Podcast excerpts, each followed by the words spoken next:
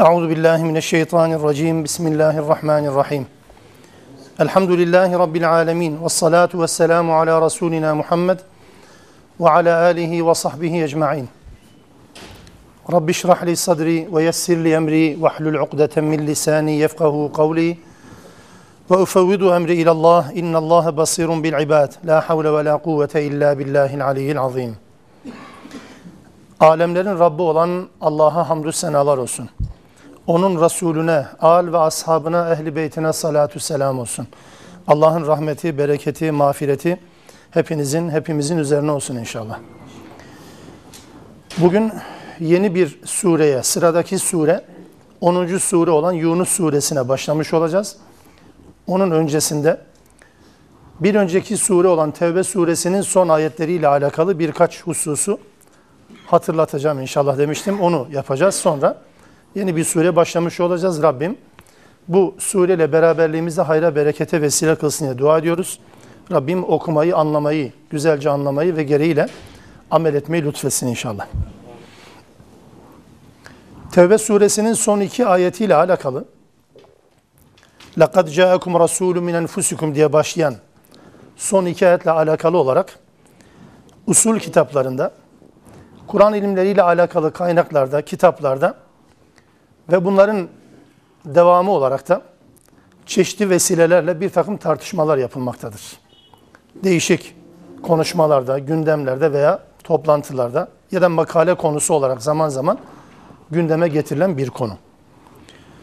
Gündeme getirilme nedeni ise Tevbe suresinin son iki ayetinin Kur'an'ın cemi sırasında yani Kur'an'ın toplanması sırasında Hazreti Ebu Bekir radıyallahu anh'ın hilafeti döneminde Kur'an-ı Kerim'in bir araya getirilmesi, toplanması sırasında ortaya çıkmış olan bir görüş, bir düşüncedir. Bu tartışmanın kaynağı.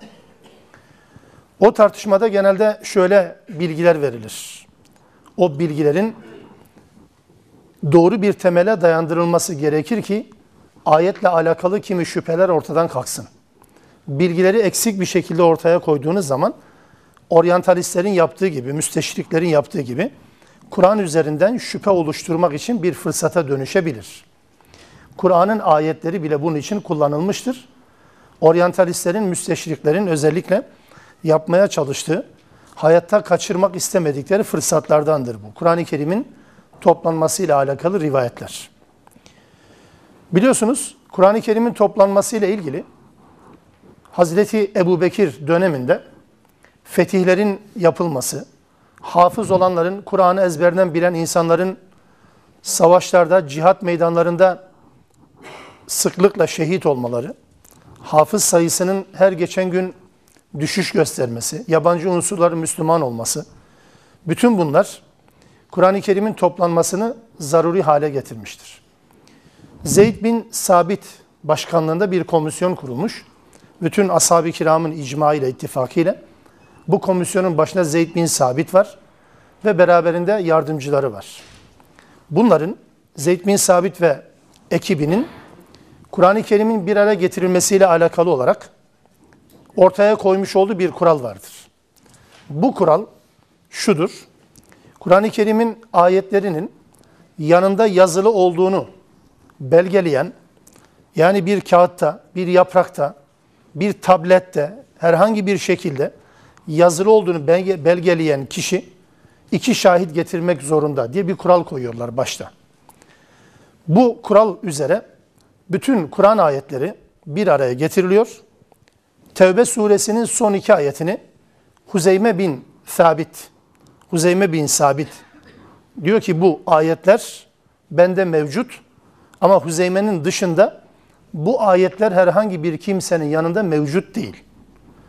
Dolayısıyla bu ayeti kerimeleri Huzeyme'nin yanında belgelemesi üzerine iki şahit şartı gündeme gelince deniyor ki fi tarihinde Uhud Savaşı'nda mı, Bedir'de mi yoksa başka bir gazvede mi Allah Resulü Huzeyme bin Sabit'in şahitliğini iki kişinin şahitliğine denk tutmuştur diyerek bu gerekçeyle Huzeyme bin Sabit'in elinde yazılı olarak bulunan Tevbe suresinin bu iki ayetini buraya yerleştirmiştir.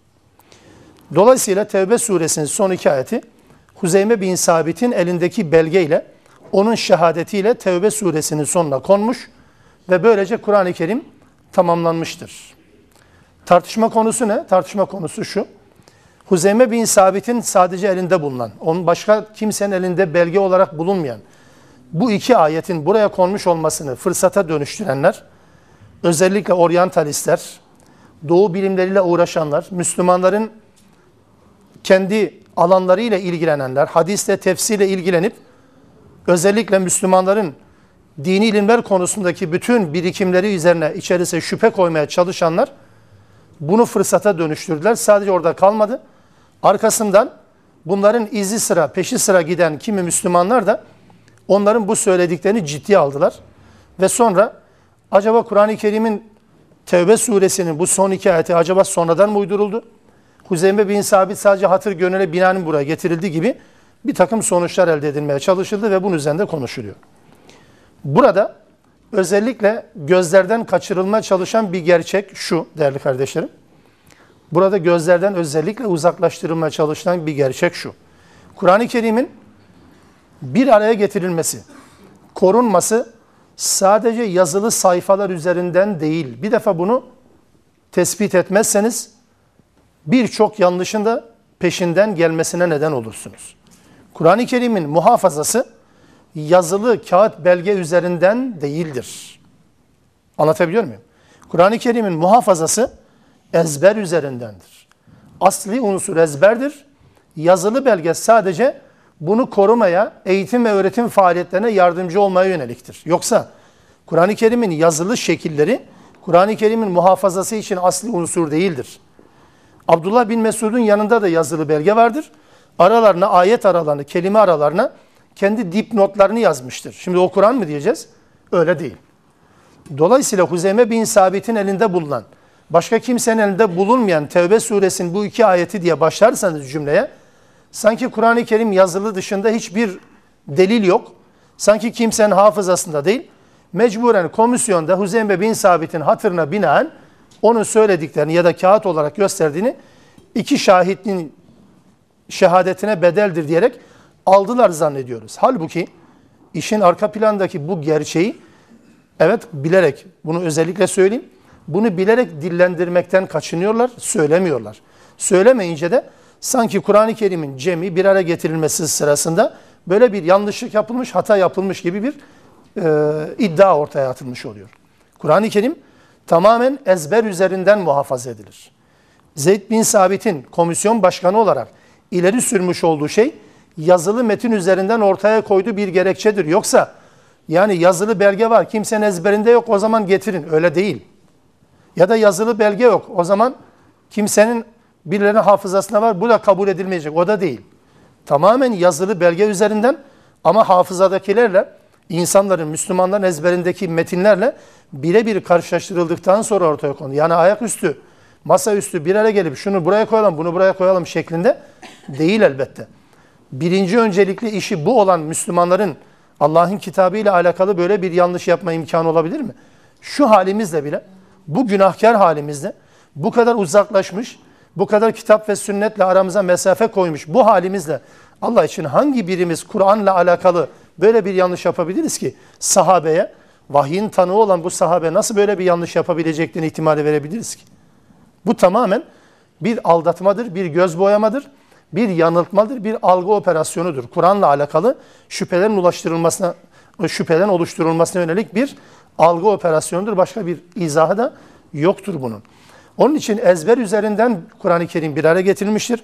Yoksa Tevbe suresinin bu iki ayeti kimsede yoktu da hatır gönül binaen getirdi buraya koydular anlamına elbette gelmeyecektir. Bu vesileyle şunu da hatırlatayım. Kur'an-ı Kerim'in bir araya getirilmesi sırasında Hazreti Ömer'e isnat edilen bir cümle vardır. Çok meşhur, piyasada dolaştırılan bir cümledir. Hazreti Ömer demiş ki, rejimle alakalı bir ayet okuyorduk. Eğer insanlar Hazreti Ömer'in Ömer'in Kur'an'ın dışında olan bir ayeti Kur'an'a koydular demelerinden korkmasaydım, Kur'an dışındaki bir ayeti Kur'an'a koydu demelerinden korkmasaydım bu ayeti Kur'an'a yazdırırdım. Cümle doğru ama bir problem var. Cümle doğru tabii ki. Hazreti Ömer'in söylediği şey nedir? Eğer bu Kur'an ayeti idiyse Hangi güç Hazreti Ömer'in bunu Kur'an'a koymasına engel olabilir? Sorayım size. Kim engel olabilir ya? Hazreti Ömer'e başkasına adı neyse de kim engel olabilir ki? Hazreti Ömer bir ayetin ayet olduğunu bilecek. Yani Kur'an ayet olduğunu bilecek. İnsanlar ne der diye, ne düşünür diye bu endişeyle onu Kur'an'a yazmaktan vazgeçiyor öyle mi? Olacak şey değil ya. Ben bile yapmam ki Hazreti Ömer nasıl yapacak bunu? Peki nedir? Hazreti Ömer'in söylediği ayettir. Kur'an ayeti değil. Çünkü Tevrat ayetine de ayet denir. Burada ciddi bir yanılgı konusu bu. Hazreti Ömer'in yani burada öyle bir güçlü delil ki diyor rejim, öyle güçlü bir referans ki Hazreti Peygamber de bunu uygulamış. Ha bugün tazir cezası mıdır, had cezası mıdır, uygulanır mı, uygulanmaz mı tartışa durun. Ama Hazreti Peygamber'in uyguladığında, Hazreti Ömer'in Hazreti Ebubekir döneminde uygulandığında şüphe yok. Hazreti Ömer'in vurgulamaya çalıştığı şey şu, insanlar bu konu Kur'an'da yoktur diye atacakları endişesiyle bunu söylüyor. Tevrat'ta var olan bir ayetti, Kur'an ayetiyle alakalı, peygamberin uygulamasıyla alakalı hüküm gelmeden ortaya konmadan önce bu ayeti eğer Kur'an'a ilave olmasaydı bunu Kur'an'a yerleştirirdim diyor. İşin ciddiyetini anlatmak üzere söylediği bir cümledir. Yoksa Kur'an ayeti olmadığı halde Kur'an'a bir şey koymak anlamına değil bu. Ya da Kur'an ayetiydi dışarıda kaldı da ben çekindim insanlardan korktum koymadım anlamına da değil. Bilmem anlatabildim mi? Dolayısıyla burada Tevrat'ın ayetlerine de ayet deniyor. Hatta Hazreti Ömer'in bir takıntısı mı gibi ilk dönemlerde, Müslüman olduğu ilk dönemler daha Mekke'deyken Hazreti Ömer, Hazreti Peygamber'in yanında elinde Tevrat nüshaları, Tevrat'ın içerisindeki ayetleri okuyor. Kur'an-ı Kerim'in konuyla ilgili benzer ayetleri karşılaştırıyor ve seviniyor. Adeta yani vay be diyor Tevrat'ta da Kur'an-ı Kerim'in desteklediği ifadeler var diye sevincini dile getirince Hazreti Peygamber öfkeleniyor. Yüzü kızarıyor. Hazreti Ömer Tevrat'a mütalaa dalmış. Peygamberin bu durumu bilmediği için sahabe ona dürttüler, hatırlattılar. Dediler ki bak peygamberi kızdırdın. Bir baktı peygambere öfkelendi. Tevrat'ı bıraktı ve dedi ki Rab olarak Allah'ı, peygamber olarak seni seçtik ve biz kitap olarak, din olarak İslam'a razı olduk, hoşnut olduk.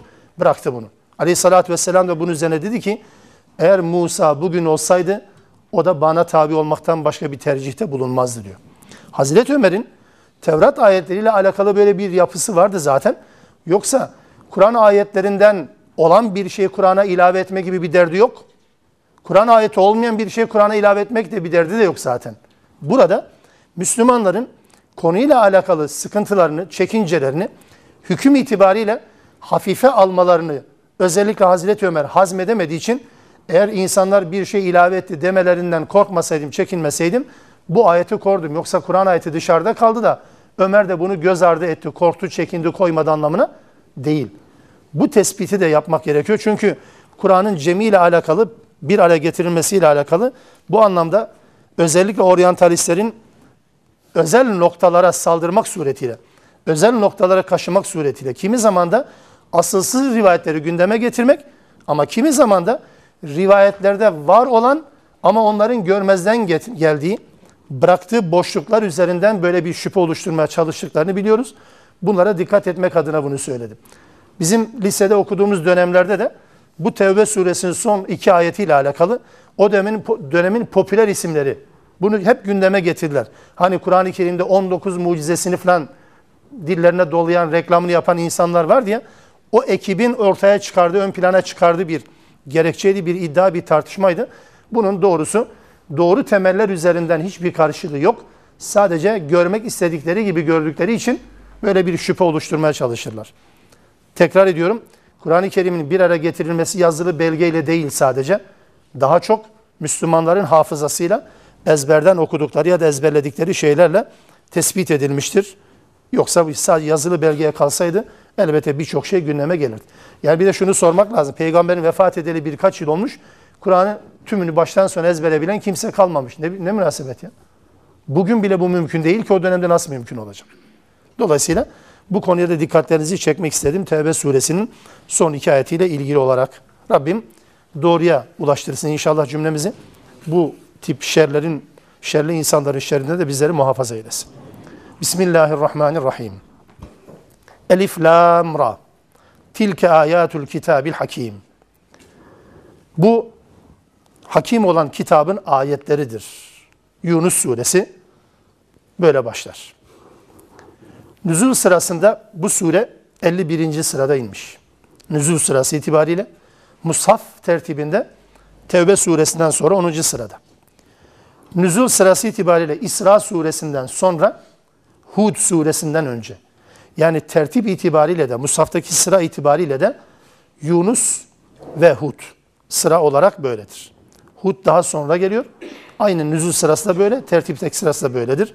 Ama İsra'dan sonra nazil olmuş olan bir suredir Yunus suresi. Yunus suresiyle alakalı ilginç bir şey var. İlginçlik şu.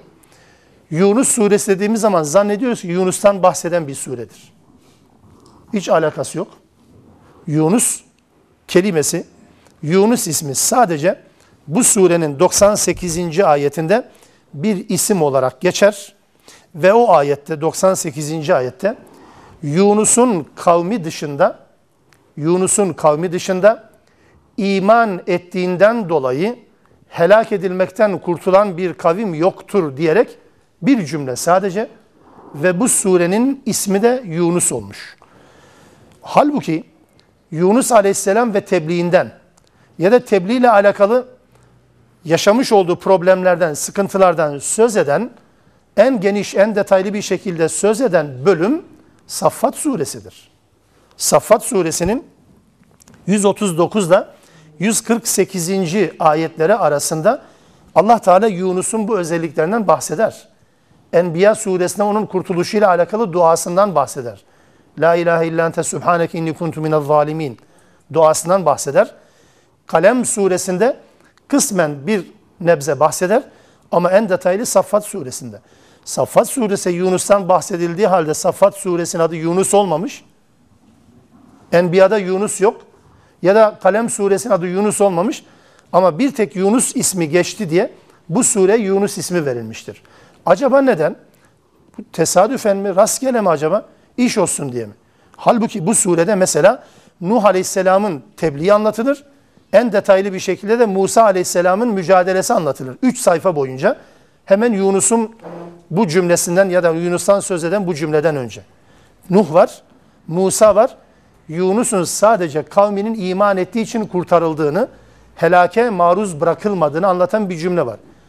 Buna rağmen neden Yunus dendi? İşin önemi burada işte. Özellikle Yunus'un kavmi Yunus'u dinlediği için dünyada Allah'ın takdir etmiş olduğu bir ceza vardı. O cezadan kurtuldular. Allah Teala'nın ön plana çıkardığı hüküm bu. İlk dönem Müslümanları da bu cümleden hareketle bu sureye Yunus suresi adını vermişlerdir. Cümlenin özellikle sureye isim olmasının esprisi meselenin önemli bir mesele olmasıdır. Yani Allah'ın helak yazdığı, azap yazdığı, helak etmeyi planladığı ya da takdir ettiği bir kavmi Yunus'un dönmesinden sonra ona iman etmeleri nedeniyle iptal etmesi, onları cezalandırmaktan vazgeçmesinden söz etmesi, Yunus'u dinleyen bu kavmin dünya cezasından kurtulduğunun ilanıdır. Bu da Yunus suresinin Yunus suresi olarak nitelenmesinin yegane nedenidir. İşin ciddiyetinden ya da konunun öneminden kaynaklanıyor. Onun için Yunus suresi dediğimiz zaman zannetmeyin ki Yunus'un tebliğinden bahsedilecek. Yunus'un kavminin Yunus'u dinlediği için kurtuluşa nasıl erdiğini anlatan cümle surenin merkezinde ya da surenin isminde yer almıştır. Bismillahirrahmanirrahim. Elif, Lam, Ra diye başlayan bir sure. Mukatta harfleriyle başlayan, mukatta harfleri yani kesik harfler dediğimiz bir e, konu bu. Buraya kadar nüzul şey tertiple yani bu saf sırası itibariyle baktığımız zaman Bakara suresi, Ali İmran suresi, Elif Lam Mim ile başladı. Bir de arada Araf suresi. Araf suresi o da Mekki bir sure. O da Elif Lam Mim Sad'la başladı. Bu dördüncü sure baştan itibaren mukatta harfleriyle başlayan dördüncü suredir. Elif Lam Ra diye başlayan surelerin ikincisidir, e, ilkidir. Bundan sonra gelecek olan Hud suresi, sonra gelecek olan Yusuf suresi de, daha sonra gelecek olan Ra'd suresi, Elif Lam Ra ile başlayan surelerden ve İbrahim suresi.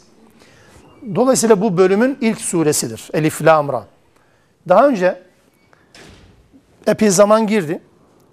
Yeniden sadece bir kaç cümleyi birkaç hususu hatırlatmakla yetineceğim. Çok tafsilatına girmeyeceğim.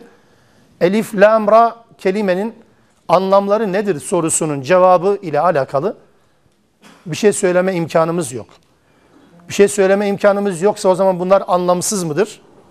Evet derseniz anlamsız işin Kur'an'da ne işi var? Anlamlı derseniz anlamını kim söylemiş, kim söyledi bu sorunun cevabı yok. Bunu tespit anlamında birkaç mütalayı söyleyeceğim, bırakacağım onu. Hurufu mukatta ile alakalı surelerin başında bulunan Elif, Lam, Mim, Hamim, Yasin, Taha, Kaf, Sad gibi kelimelerle alakalı, ifadelerle alakalı iki şey karşımıza çıkıyor. Birisi şu, konuyla alakalı ne sahabe-i kiram, Müslümanlar peygambere bir soru sormuşlar, ne de peygamber aleyhisselam bunlarla alakalı bir bilgi vermiş. Bu net. İkinci net olan konu, müşrikler Kur'an-ı Kerim'in bütün açıklarını dillerine dolamak için fırsat kollarlar. Bir çelişki, bir problem, bir tartışma konusu çıkacaksa bir yerden, Kur'an-ı Kerim için bunu kullanmayı fırsata dönüştürürler. Tartışmasız.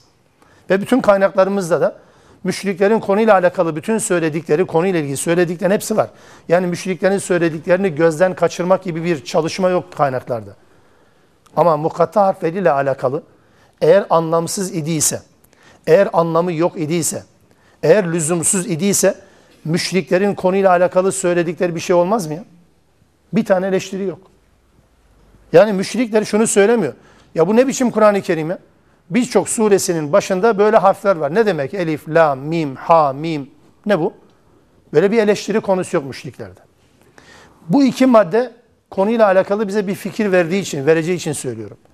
Ne peygamber bir izahta bulunmuş, tabi ne de Müslümanlar sormuş ve ne de müşrikler bunu eleştiri konusu yapmış. O zaman biz ne problem ediyoruz? Dayatıyoruz diyoruz ki bu harflerin bir manası olması lazım.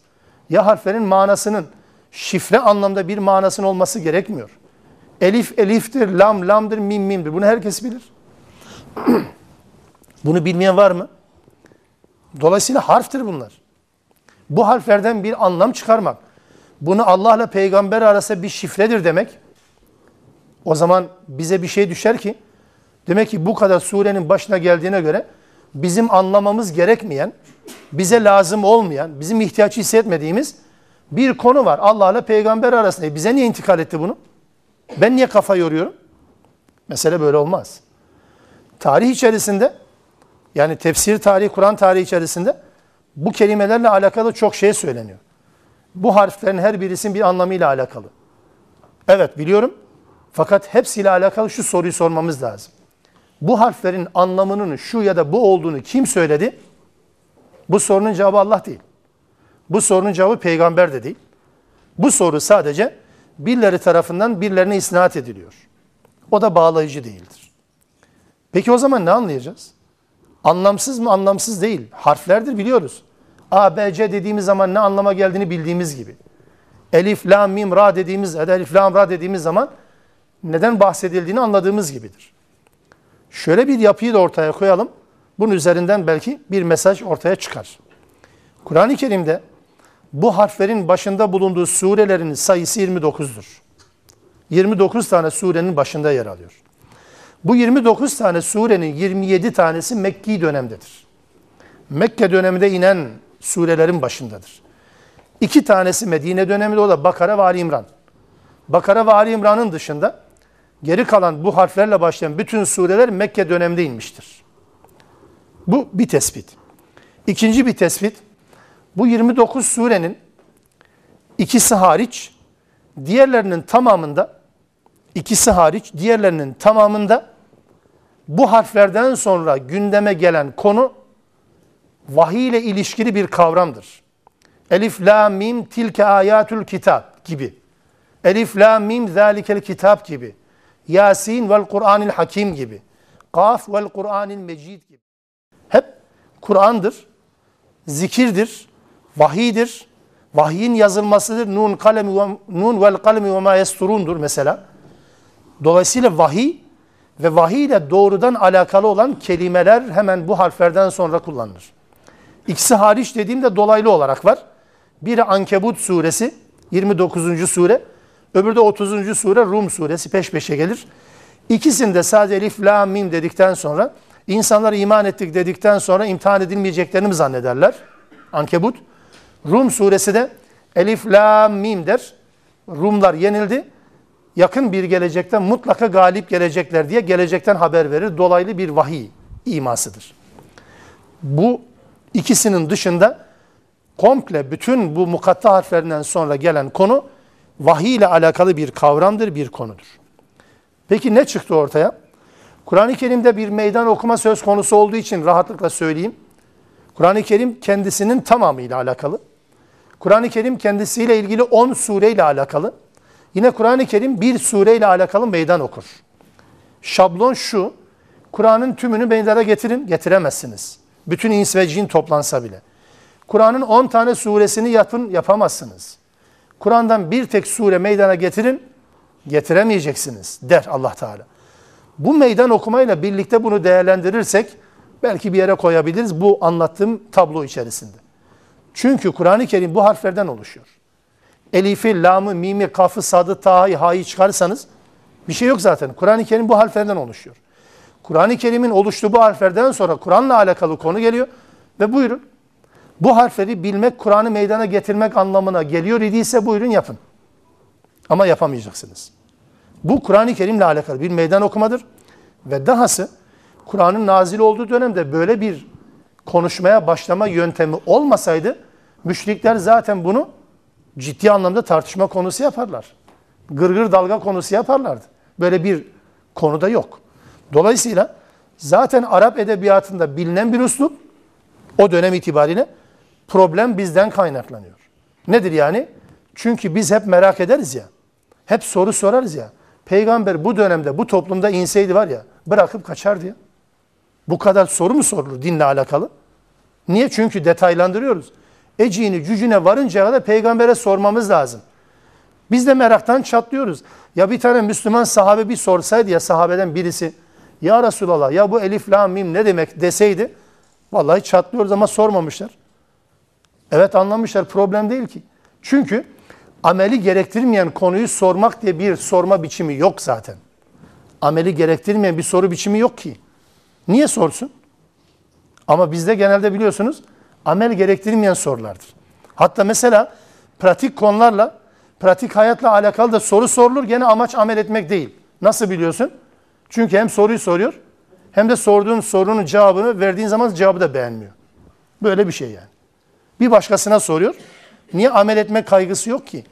O yüzden dinle alakalı bakın neden soru sormadılar çok nettir. Müslümanların böyle bir derdi yok. Tartışma konusu yok ki. Keşke ben de izah etmek durumunda kalmasaydım. Size diyecek hocam sen niye izah ediyorsun ki? E bir şekilde kafalarımıza girdi. Ümmice okuyamayınca Kur'an-ı Kerim'i, Kur'an-ı Kerim'i ümmice okuyamayınca yani ön bilgiler kafamıza girmeden, dedemiz kulağımıza üfürmeden, amcamız, nenemiz bize bir şey söylemeden, sokaktan, çarşıdan, takvim yapraklarından, hele günümüzde bir de internetten ve televizyon kanallarındaki medya hocalarından bir şeyler öğrenmeden Kur'an okusaydık, tam anlamıyla sahabe gibi Kur'an anlardık. Ama yok o treni kaçırdık. Çünkü kafalarımız kirli bilgilerle dola dola bir hoca bir taraftan çekiyor, biri bir taraftan çekiyor. Biri var diyor, biri yok diyor. Var mı yok mu şüphe etse hadi o da bir lütuf, o da değil. Biri var diyor, biri kesin yok diyor. Allah Müslümanlara yardım etsin. Böyle bir yapı içerisinde ne olacak da? Onun için bakın biz de izah etmek zorunda kaldık. Zaman zaman söylüyoruz. Kur'an-ı Kerim kendisini ifade ederken kitab-ı mubin der değil mi? Kitab-ı mubin ne demek? Apaçık ya. Peki apaçık. İyi ki apaçık ha. Bir de apaçık olmasaydı ne yapacaktık? Niye bu kadar izah etmek zorunda kalıyoruz ki? Çünkü kirletildik ya. Kirletildik. Mukatil bin Süleyman'ın bir tefsiri var. Hicri 150'de vefat etmiş. Peygamberin vefatından 140 sene sonra vefat etmiş bir müfessir. İlk müfessir sayılır. Üç cilt. Üç cilt dediğim nedir biliyor musun? Elimizdeki Kur'an-ı Kerim mushafının yarısı kadar. Her bir cildi üç cilt yapıyor. Zaten içerisinde Kur'an ayetlerinin tamamı var. Yarısı zaten ayet oldu. Geri kalan yarısı nedir? Tefsir. Tefsir bu işte. Gözünü sevdiğin. Sonraki bölümlerde bakıyorsunuz. Masayı baştan sona donat. Tefsir kaynaklar. 30 cilt. Niye? Nereden geldi bu kadar bilgi? Hani mübindi? E birisi haklı olarak soruyor. Hocam hani kitap mübindi açık diye. Niye bu kadar? Niye? Çünkü birisi bir şey kirletiyor. O kirlettiği şeyi temizleyelim. O da bir başka şey anlatmaya çalışıyor. O yapayım derken göz ardı ettiği bir şey var o kirletiyor sonra gelen bir daha temizlemeye çalışıyor. Bizimki mutlak doğru mu? Doğru olduğunu inanarak söylüyorum sadece. Yoksa Allah affetsin eğer hata yaptıysak ama hata olduğunu bilerek asla ve asla yanıltıcı bir şey söylemekten Allah'a sığınırız. Fakat neticede yanlışlar ya da ilaveler ya da fazlalıkların törpülenmesiyle alakalı söylediklerimiz. Aynı kapıya çıkıyoruz bakın dikkat ettiyseniz. Mukatta harfleriyle alakalı elif, la, mim, ra deyip geçmemiz lazım. Yoksa ne, ne gerek var? Ama kafalarımız sakin değil ki. Birileri zaten kafamızın içerisinde bir şeyler yerleştirmiş. Onu telafi etmek adına söylüyor. Kur'an-ı Kerim'in tablosu bu. Bu tablo içerisinde bize düşen, evet Kur'an-ı Kerim eliftir, lamdır, mimdir, ta'dır, ha'dır, ya'dır, sindir bu kadar. Kur'an bundan oluşuyor. Buyurun siz de becerirseniz benzeri meydana getirin. Üstelik bu surenin ilerleyen ayetlerinde Kur'an'la alakalı bir meydan okuma da gelecek zaten. Kur'an'ın tamamıyla alakalı benzerini getirin. Bütün insanlar ve cinler toplansalar da asla ve asla bunun benzerini meydana getiremeyecekler diye Allah Teala bize haber vermiş olacaktır. Evet. Sonraki ayetlerde. Tilke ayatül kitabil hakim. Bu hakim olan kitabın ayetleridir. Tercüme ettik değil mi şimdi? Hakim olan kitap ayet. Zaten üçü de Arapça. Tercümesi ne peki bunun? Kitap yani bu vahiy. Herhalde bu ayet indiği zaman böyle bir kitap yoktu. Böyle bir kitap yoktu. Nedir yani? Bu vahyin, Allah'ın indirdiği ayetlerin ta kendisidir. Göstergeler, Allah'ın varlığının, kudretin işaretleridir. Hakim ne peki? Hakim kelimesi Kur'an-ı Kerim'in de adıdır biliyorsunuz. Vel Kur'anil Hakim. Tilke ayatul kitabil hakim. Kur'an'ın da adı. Ama aynı zamanda innallaha azizun hakim. Vallahu azizun hakim ve Allahu alimen hakima defalarca Allah'ın kendi adı olarak da hakim kelimesi geçer. Bu kelimeyi iyi anlamak için bu kelimeyi iyi anlamak için kelimenin Kur'an öncesinde yani Kur'an nazil olmadan önce Kur'an'ın nazil olduğu atmosferde bu kelimeyle alakalı kullanılan anlamı bilmemizde fayda var. Çünkü Kur'an'da kullanılan ıstılahları, terimleri asli anlamına baktığınız zaman çok farklı bir alan karşınıza çıkar. Bu yönüyle bazen özellikle bu tip terimler, her kelime demiyorum, terim olanlar, kavram haline gelenler özellikle izah edilmesi gerekir. Bu yönüyle söylüyorum. Araplar atın ağzına vurulan gemi bilirsiniz. Atın ağzına vurulan o geme, o yarım daire metal parçasına el hakeme derler. El hakeme. Arapçada bu kelimenin adı budur. El hakeme dediği zaman Arap atın ağzına vurulan gem, dizgin anlaşılır. Kur'an gelmeden önce de böyle kullanılıyordu. Dizginin atla alakalı işlevi nedir? Onu dizginler, onu kontrol eder, fren mekanizması görür, direksiyon mekanizması işlevini görür değil mi? İstediği tarafa yönlenmesine müsaade etmemek için gem kullanılır. Süratlenmek için gem kullanılır. Süratini kesmek için, yavaşlatmak için, durdurmak için gene gem kullanılır. Bakın hakeme budur. Arapçada hakeme bu. Kur'an-ı Kerim bu kelimeyi aldı. Allah hakimdir. Ne yapar? Kontrol eder. Dizginler yani. Kur'an-ı Kerim hakimdir. Kafanıza göre hareket etmenizi engeller. Hakim nedir? Engeller. Mahkum nedir? Engellenen demektir. Hakem maçta bile hakem, hakem diyoruz da herkesin kafasına göre hareket etmesini engelleyendir. Diş hekimi, tıp hekimi ne? Hekim hastalığı kontrol eder, dizginlemeye çalışır. Amacı budur. Hikmet nedir? Bir insan buna sahip oldu mu kendini kontrol edebilir. Hikmet yoksa, hikmet yoksa bir insanda iyiliğini, kötülüğünü bilemez ki neyi kontrol edecek? Anlatabiliyor muyum? Ahkam nedir? Hüküm nedir? İnsanın sahip olduğu takdirde hayatını kontrol etmeyi sağladığı şeylerdir. Kur'an-ı Kerim'in hakim olmasıyla Allah'ın hakim olması budur. Tercüme edip Arapçadan Arapça tercüme edip geçtiğimiz zaman anlaşılmıyor bunlar. Anlatabiliyor muyum? Kur'an-ı Kerim önümüze böyle bir yapı koyuyor. Dolayısıyla bu kelimeden türeyen bütün kelimeler hep nereye varır? Dizginlemeye varır, kontrol etmeye varır. Allah Teala'nın indirmiş olduğu hükümler, Allah'ın indirdiği ahkam, bunların hiçbirisi sadece bilgi değildir. Ya bizi kontrol etmeye, bizi dizginlemeye yarayan şeylerdir. bu işlevi yapmıyorsa hükmün varlığıyla yokluğu arasında fark yok demektir. Bunun adına hüküm denmez. Bunun adına başka bir şey söylenebilir. Hükümle söylen, ilgili söylenecek özellikle bunlardır. Hatırlatmış olayım dedim. Bunlar hakim olan kitabın ayetleridir. Ayet 2. Ekâne linnâsi aceben en evhayna ila raculin minhum en enzirin nas. Ve beşşirillezîne âmenû enne lehum kademe sıdkın inde rabbihim. İnsanlar için çok mu ilginç gerçekten? İnsanlar çok mu hayret ediyor? Neye? Kendi içlerinden bir adama vahyetmemiz. İnsanları uyar diye ve de iman edenleri Rablerinin yanında derece sahibi olacaklarını müjdele diye. İnsanların tümünü uyar ama özelde de Müslümanları, iman edenlerin de Allah yanında bir derece sahip olacaklarını müjdele diye içlerinden bir adama, bir racül, bir insana, bir beşere vahyettik diye insanlar iç, insanlar niçin şaşırıyorlar ki? Kâlel kafirune inne hâze lesâhirun mubin. Kafirler dediler ki bu gerçekten apaçık bir büyücüdür. Apaçık bir büyücü dediler. Kime? Peygamber aleyhissalatü vesselama dediler. Çünkü peygamberin nitelenebileceği ve insanların aklına yatabileceği tek seçenek buydu. Mecnun deseler, e Mecnun mu görmedik ya? Bir adam deli ise, yani piyasada deliden fazla ne var? Deli olduğu zaman insan bu kadar ilgilenir mi? Deliden niye bu kadar korkuyorsun ki? Yutturamadılar. Şair deseler şair görmedik. Şair var. Şiire de benzemiyor. En iyisi sihirbaz diyelim. Çünkü öyle bir şey ortaya atıyor ki aynı evdeki kardeşler birbirine düşebiliyor. Anne baba evlat arasında ayrım ortaya çıkabiliyor. Dolayısıyla bu nedir? İnsanlar arasında bir büyü, bir sihir görevi yapıyor diyerek insanları bununla ikna etmeye çalışmışlar kendilerince. Tabii önce çok emin güvenilir birisiyken iş bu noktaya geldi. Ne diye? Gerekçe önemli kardeşler. Gerekçe önemli.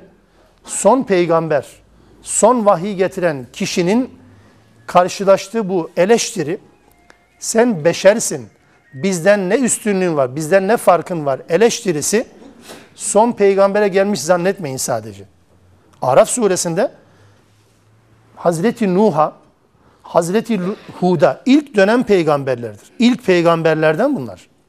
Kur'an-ı Kerim'in kronolojik olarak aktardığına bakarsanız Nuh'tan önce Adem'in dışında bir peygamberden bahsedilmiyor. Nuh'tan önce bir peygamber yok. Adem var, Adem özel. Kavmiyle ilişkisi anlatılmadığı için onu geçtik. Nuh'a bile ilk peygamber bakın ilk Resul Nuh'a bile söylenen aynı şeydir. Siz şaşırdınız mı diyor Nuh. Nerede? Araf suresinde 63. ayet-i kerimede. İçinizden bir adama Allah uyarı görevini verdi diye niçin şaşırdınız ki? Eleştirilen konu buydu. Ondan bir dönem sonra ve birkaç dönem sonra gelen Ad kavmine gelen Hud'a da aynı şey söyledi. Hud da onlara dedi. Niye şaşırıyorsunuz ya? İçinizden sizinle aynı özellikleri paylaşan, aynı zaaflara sahip olan bir insana Allah vahiy verdi diye ne diye şaşırıyorsunuz? İlk peygamberden son peygambere bütün toplumların ortak noktasıdır. Şaşmadıkları, eleştiri konusunda hiç sekmeyen bir iddiadır bu. Eleştiri konusunda hiç atlatılmayan bir iddiadır. Neden bizim gibi bir insana bir peygamber geliyor düşüncesi? Bu Yunus suresinin ikinci ayetinde de konu edilen bir meseledir. Onların içinden bir adama insanları uyar, iman edenler de müjdele diye bir adama vahiy geldi diye, Allah vahyetti diye, biz vahyettik diye niye insanlar bu kadar şaşırıyorlar ki? Bunun anlamı nedir? Bunun anlamı işin bahane tarafı tabii ki. Yani diyelim ki istedikleri biri peygamber olsa aynı şey olmayacak mı? Aynı şey olacaktır. Mesele nedir aslında? Mesele şudur. Peygamber olacak kişi olağanüstü özelliklerle bezenmesi lazım. Bizimle aynı özellikleri taşıyan bizi davet edemez. Hastalığı teşhis edelim. Bakın. Hastalığı teşhis edelim. Sadece peygamber ümmet ilişkisi olarak değil. Bugün davetçi ve davet edilen ilişkisinde de aynı problem yaşıyoruz. Davet edicinin farklı bir özelliğe sahip olma beklentisinin kaynağı da bu olmasın. Anlatıyor birisi. Ne güzel de anlatıyor. Okumuş okuduklarını bizimle paylaşıyor. Orada akademisyenler var. ilahiyat mezunlar ve ilahiyatçılar var. Hazmedemedikleri için soruyorlar. Mahcup edecekler ya. Eğitimin ne kardeş? Lise mezunuyum. Ha belli oluyor zaten. Niye? Ne olması gerekiyordu? E bizden biraz da yüksek olması lazım. İlahiyat hocasına din anlatacak adamın en azından biraz ondan daha fazla mürekkep yalamış olması lazım. Hastalık bakın bu.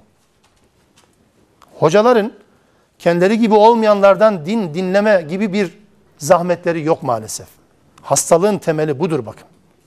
Hatta mesela bir ailede yetişen, bir ortamda yetişen bir genç güzel şeyler öğrendikten sonra toplumuna gidip onlara öğrendiği gerçekleri güzel üslupla, uç noktada dolaşanlardan bahsetmiyorum. Güzel bir üslupla anlatanlara da ilk itiraz hep böyle olmuştur. Ne oldu? Başımıza hocam mı kesildi? Kesinlikle. O yüzden bu coğrafyada bir insanın kendi memleketinde dine davet etme imkanı verilmiyor nedense. Niye? Çünkü sıra dışı görünmesi lazım. Uzaydan gelmesi lazım. Anlatabiliyor muyum? Elbette uzaydan gelecek hali yok ben. Teşbih anlamda söylüyorum.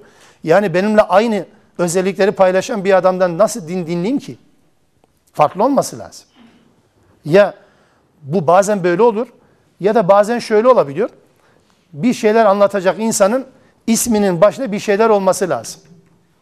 Bu ne menem millet ya? Bu ne menem hastalık bir şey. İlla isminin başına bir şey koyacaksın. Doktor, doçent, profesör olunca lafı para ediyor. Böyle bir şey olabilir mi ya? E ben de diyorum ki ya İmam-ı Azam ya da Ebu Bekir ya da Ömer gelse bugün ne anlatabilir ki? Soracağız. Tahsilin ne?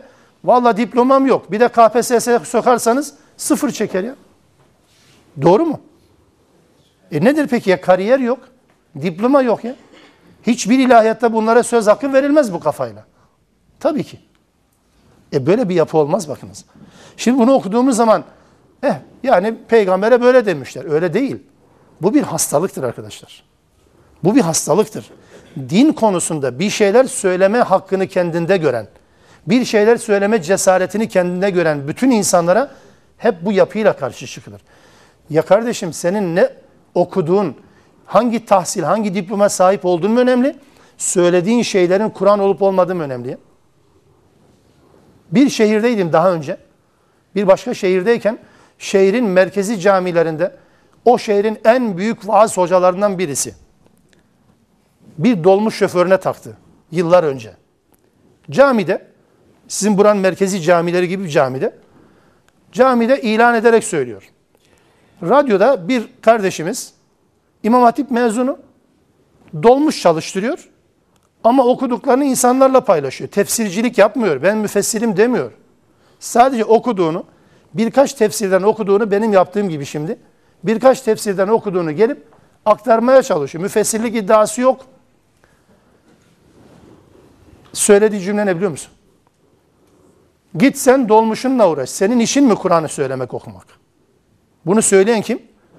Bütün şehrin güvendiği, neredeyse beyat edecek hale getirdiği bir insan bunu söylüyor. Böyle bir yapı olabilir mi ya? Kur'an'ın bu ayetlerini okuduğunuz zaman işin rengini anlıyorsunuz. O yüzden peygamberlerin işin ne kadar zor olduğunu bir kez daha anlıyorsunuz.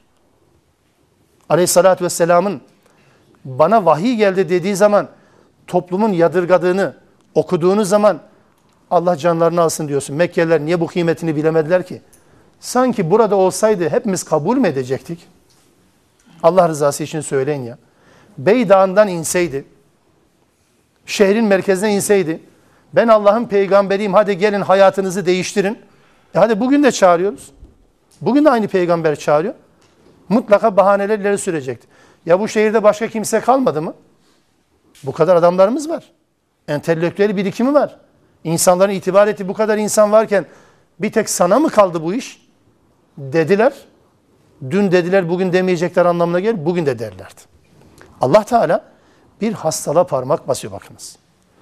Sıra dışı insanların insanları yönlendirici olma hakkını Allah Teala reddeder. Bir insanın birine bir şey anlatması için o insanlardan farklı bir statüde olması gerekir diyorsanız bu ayetler karşımıza çıkar. Kimin söylediği, ne söylediği önemlidir. özelliklerinin ve statüsünün ne olduğu asla önemli değil ki. Bakın Kur'an-ı Kerim bunun üzerinde o kadar durur ki ilk peygamberden son peygambere kadar hep bu konuyu gündeme getirir.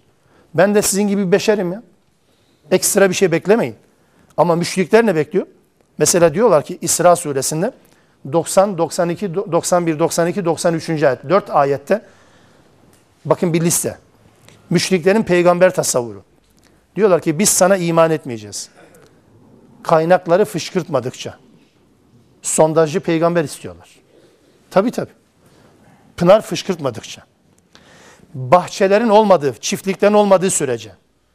Aralarına nehirler akıtmadıkça. Gökten iddia ettiğin gibi bir takım şeyleri gözümüzün göreceği şekilde indirmedikçe. Melekler yanında koruma olarak, görevli olarak olmadıkça altından, mücevherattan yapılmış olan bir ev sahibi olmadıkça, gökyüzüne yükseldiğini görmedikçe, gökyüzünden elimizle dokunacağımız ve okuyacağımız bir kitabı indirmedikçe sana iman etmeyeceğiz. Şartlara bak. Kimi istiyorlar? Allah ya bunların bu özellikler hepsi Allah'a ancak. Ya. Allah'la peygamberi karıştırmak bu işte. Böyle bir peygamber istiyoruz. Böyle olmasa olmaz. Peki böyle bir şey olduğu zaman ne olur? Hatta mesela melek olması lazım. Yani insandan peygamber mi olur? Allah Teala En'am suresinde bunu anlatırken bir de böyle cevap veriyor. Peki melek olsaydı ne olurdu? İddia şöyle olur bu kez. Ya melek, biz insan, biz ona nasıl uyacağız ona? Adam acıkmıyor, yani melek acıkmıyor. Biz acıkıyoruz, zaaflarımız var. Nasıl uyacağız buna? Vakit diyoruz, zaman diyoruz, mekan diyoruz. Bizim böyle zaaflarımız var, bunun zaafı yok. Nasıl uyacağız? Zaten devre dışı bırakmak için söylenmiyor mu? Hatta bugün de aynısı söylenmiyor mu Allah aşkına? Mesela darda kaldınız. Niye darda kalıyorsunuz? Şöyle bir cümle için. Bakın aleyhissalatü vesselam düğünle alakalı şöyle bir kuralı var diyorsunuz. Cümle arkasından Müslümandan şöyle geliyor. O peygamberdi. Ne anlama geldi bu? Cümle aynı. O peygamberdi. Ne demek bu aslında Türkçesi? Ancak o yapabilir. Bizim yapma imkanımız yok. Kardeşim peygamberin yapıp da benim yapmayacağım şey benim peygamberim için bana, örnek olmaz. O peygamberdi diye söylüyorsanız ben ona uymayacağım anlamına, uyamayacağım anlamına gelir. Müşrikler aynı şey söylüyor. Bizim böyle bir şey yapma imkanımız yok. Bunları teyit ediyoruz. Müşriklerin söylediği şeyi teyit ediyoruz. Düşünün mesela Furkan suresinde öyle bir peygamber tasavvuru var. Diyorlar ki bu ne biçim peygamber ya? Furkan suresi 7 ve 8. ayetler. Ma li hadar rasul ye'kulut ta'am ve yemşi fil esvak. Yemek yiyor, çarşıda dolaşıyor. Ne olması gerekiyor ya? Uçması lazım ya. Bizim de kimi insanları uçurmaya çalışmamızın acaba tesadüf olduğunu mu düşünüyorsunuz? Peygamber dediğin yemeyecek ya. Peygamber dediğin içmeyecek, çarşıda gezmeyecek. Kendi ihtiyacını görmeyecek. Böyle peygamber mi olur? Eyvallah biz de onları tasdik etmedik mi? Müşriklerin iddiasında haklı çıkarmadık mı onları? Tam beklediğiniz gibi. Çarşıda dolaşan kanaat önderi mi gördünüz hiç? Sıradan bir yerde oturan bir kanaat önderi mi gördünüz? Etrafında koruması olmayan, istediğiniz zaman gidip görüşeceğiniz kaç tane kanaat önderi var? Müşriklerin iddiasına bakın. Çıta bakın nasıl, çıta ne kadar yüksek.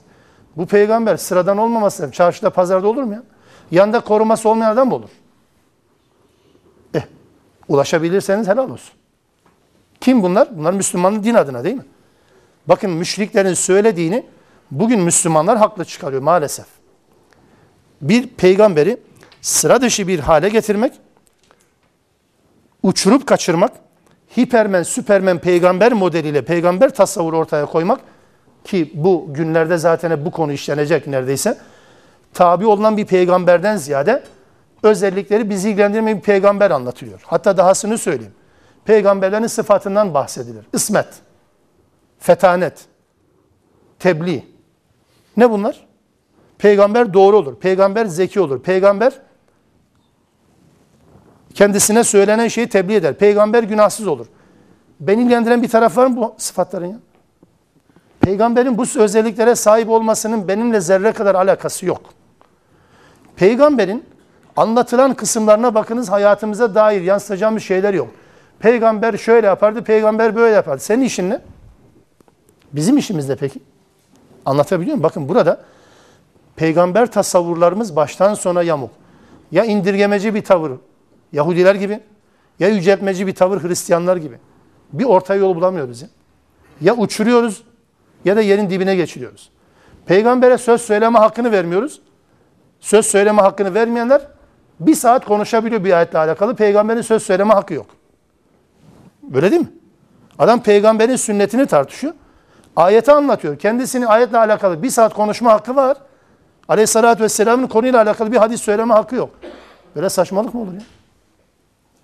E, öbür taraftan da bu kez tam tersine bu kez tam tersine peygamberiyle Allah'laştırıyor. Aman peygamber canım peygamber. Bize hiç benzemeyen bir peygamber ya. Hep uçup kaçan, hep gökyüzünde dolaşan, hep Miraç'ta hiçbir türlü yere inmeyen bir peygamber modeli de değil tabii ki. Öteden beri bu bir hastalıktır, bir problemdir.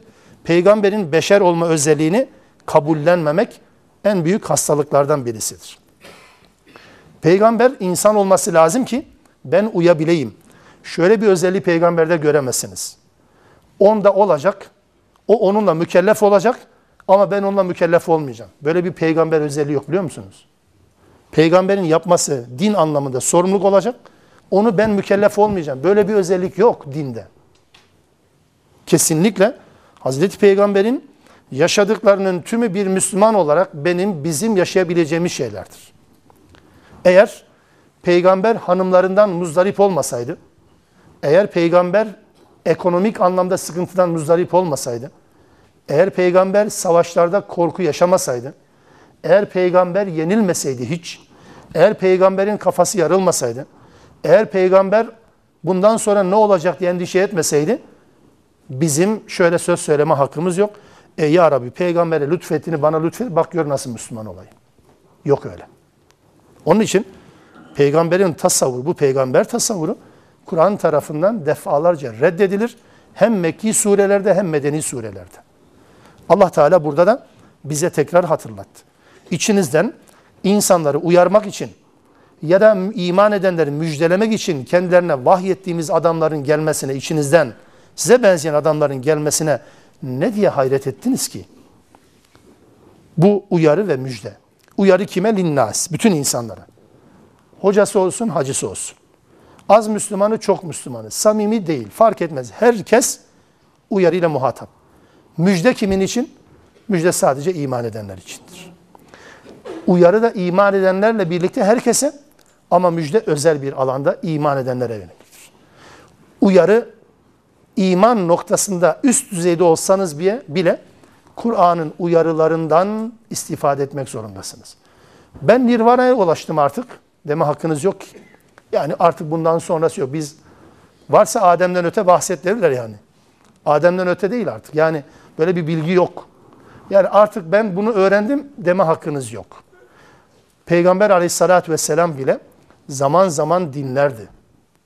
Ebu Bekir zaten öyle. Ömer devlet başkanıdır. Bir karar değişikliğine gitmeye çalışıyor. Toplumda herhangi bir kadın Peygamber Hazreti Ömer'i, devlet başkanı Hazreti Ömer'i Kur'an'la alakalı yapmayı düşündüğü bir tasarruftan vazgeçiriyor. Tabii ki. Bu ne anlama gelir? Kardeşim din budur ya. Uyarı belli bir bilge sahip olduktan sonra benim için bitmiştir diyeceğiniz şey değil. Her halükarda. O yüzden öğrenmek sonu olmayan bir süreçtir. Ben şunu öğrendim. Diploma elde ettim, ordinaryüs oldum. Dolayısıyla artık bana kimse Kur'an anlatamaz. Yok böyle bir şey ya. Yok böyle bir şey. O yüzden herkes enzirin nas uyarı bütün insanlar için hiç ayrım olmadan ama müjde yani uyarı ne, ne demek? Bakın böyle yaparsan cehennem var, bak azap var, bak Allah'ın gazabı var. Diyecek tabii ya. Yani ben kafir değilim mi diyecek. Öyle değil. Olsun.